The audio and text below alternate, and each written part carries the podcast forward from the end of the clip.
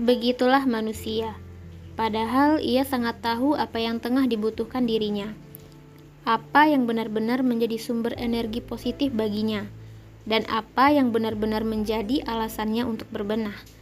Padahal ini bukan lagi perkara hidayah atau tidaknya, melainkan tentang apa yang menjadi kekuatan dan keyakinan dalam hatinya.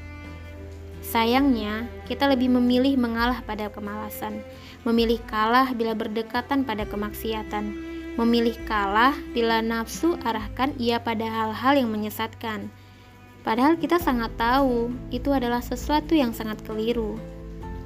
Bila saja kita sadar di dalam diri ini ada iman, yang kapan saja bisa melawan hal-hal yang hanya membawanya pada kemudaratan. Kenapa kita memilih kalah bila surga telah menjadi tujuan kita?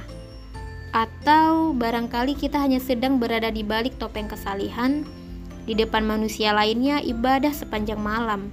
Di depan Tuhan ibadah setengah jalan. Sebenarnya ada perasaan hamba di dalam diri kita bila menjauh dari kalamnya. Sebenarnya ada perasaan sunyi di dalam hati saat tahajud tidak lagi menghiasi. Sebenarnya ada perasaan resah di dalam jiwa bila tidak ada satupun kebaikan yang kita dapati dalam satu hari saja. Sebenarnya kita tidak pernah benar-benar menjadi hamba yang lalai karena kita tahu ada Tuhan yang tidak pernah sekalipun abai.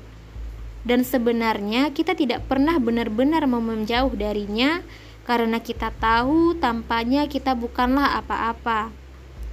Ada baiknya kita kembali buka kalamnya, menyelami makna kehambaan, mentadaburi ayat-ayat kebaikan, melawan kemalasan dan kemaksiatan yang dapat melalaikan kedekatan pada Tuhan.